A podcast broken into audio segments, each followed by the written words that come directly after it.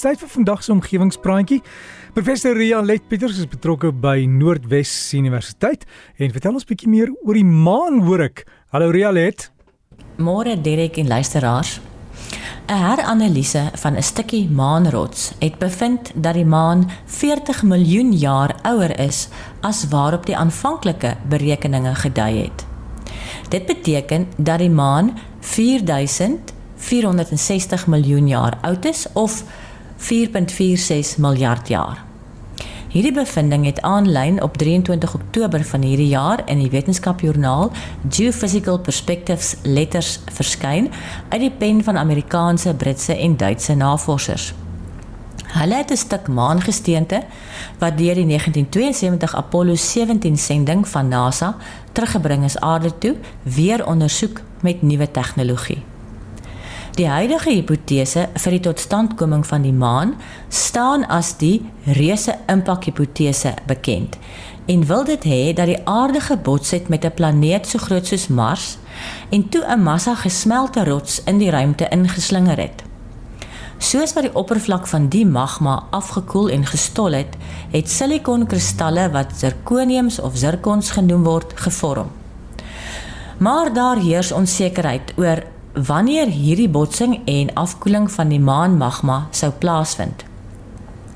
Hoe oud jy reken die maan is, hang af van watter radioisotope jy gebruik om dit te meet en van watter modellering jy gebruik maak.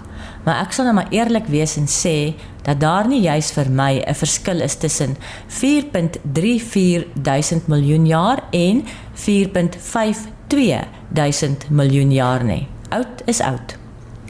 As gevolg van hulle veerkragtigheid en vermoë om vel omstandighede te oorleef, het die zirkonkristalle oorleef en maak dit hulle ideaal om die maan se eerste oomblikke te bestudeer.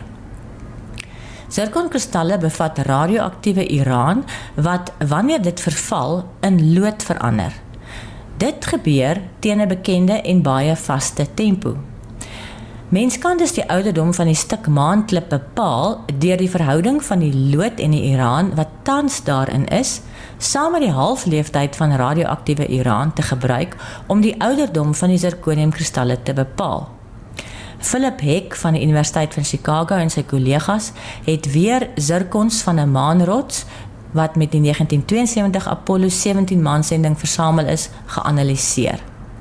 Die tegniek wat hulle gebruik het, staan in Engels bekend as atom probe tomography, wat ek dan nou maar hier vertaal met atoomsonde tomografie. Hierdie tegniek kan die samestelling en posisie van atome in die sirkonkristal met groot detail bepaal. 'n Straal gelaaide deeltjies bots met die kristal en skuur dan 'n baie dun laagie af, so 'n paar atome dik, wat 'n kragtige laser dan laat verdamp in 'n massa spektrometer in. En op hierdie manier kan die navorsers vasstel uh, dat die loodatome in die sirkonkristal wel van radioaktiewe verval afkomstig was en nie toevallig loodatome was wat in die kristal vasgevang geraak het toe die kristal met die ontstaan van die maan tot stand gekom het nie. Ons weet dat die sonnestelsel 4.57 duisend miljoen jaar oud is en die maan moes natuurlik daarna gevorm het. Maar saam met hierdie studie en al die voriges, reken die wetenskaplikes dat die maan binne die eerste 40 miljoen jaar na die ontstaan van die sonnestelsel tot stand moes kom. En dis glo redelik akkuraat vir geologiese tye. Maar die sanmense van Suid-Afrika, vir hulle was die son, maan en sterre almal eens mense en daar word na hulle verwys as die vroeë mense. Vir sekere subgroepe van die son is die sterre egter eers diere gewees en is hulle in sterre verander as gevolg van sekere goed wat hulle gedoen of oorgekom het. Vir die meeste son is die maan geassosieer met die godheid Kaggen is maar een van die uitsprake vir die woord en Kaggen was 'n ondeende bedrieër en verkiller. En meeste van die tyd het hy in die vorm van 'n bidsprinkaan voorgekom. Hy kon ook menslike vorms aanneem.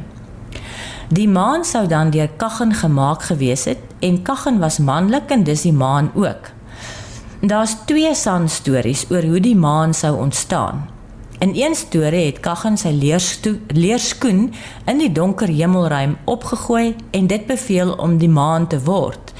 En omdat die leersandaal met die Kalahari se rooi sand bedek was, het die maan so effens 'n rooi skynsel.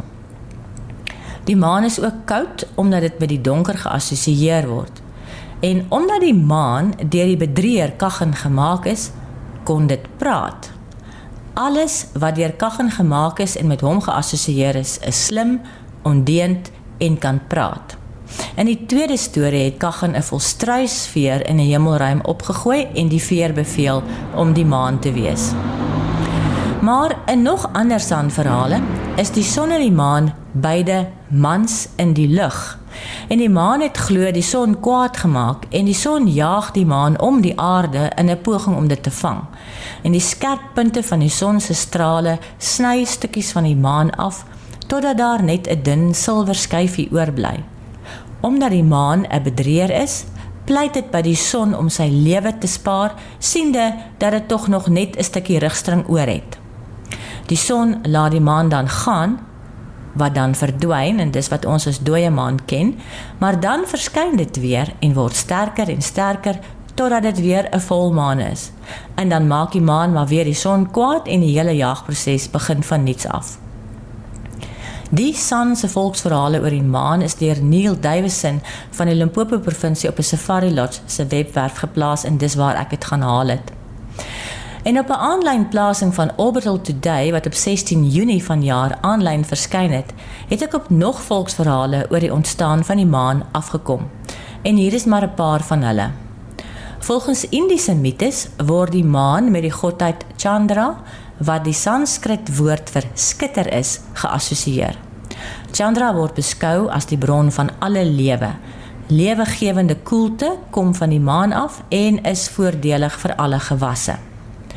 In Egiptiese mitologie is die maan die godin Hathor en het sy verskyn nadat die koning sy ma vermoor het en die vermoorde vrou se een oogbal het na die aarde toe geval en toe die maan geword. En in antieke Griekeland was die maan die dogter van die god Hyperion en die godin Thees en haar naam was Silene. Sy was 'n geestelike maagd met 'n gesig waaruit lig gestraal het wat snags deur die lug reis met haar wa wat deur bulle met sterk horings getrek word. En in die Romeinse mitologie was daar 'n godin met die naam Luna wat geassosieer is met vroulikheid, toorkuns en die siklusse van die lewenskrag. Luna was onuitputlik besorg oor die aarde en sy mense. Ek het op omgewingspraatjies se Facebookblad foto's van die maan geplaas en as jy weer op sosiale media kuier, gaan kyk 'n bietjie. Ons gaan se maak baie dankie Ria Lek Pieters Noordwes Universiteit professor daar en die stories oor die maan. Sy's baie keer bietjie baie om te glo, maar die mense het dit geglo.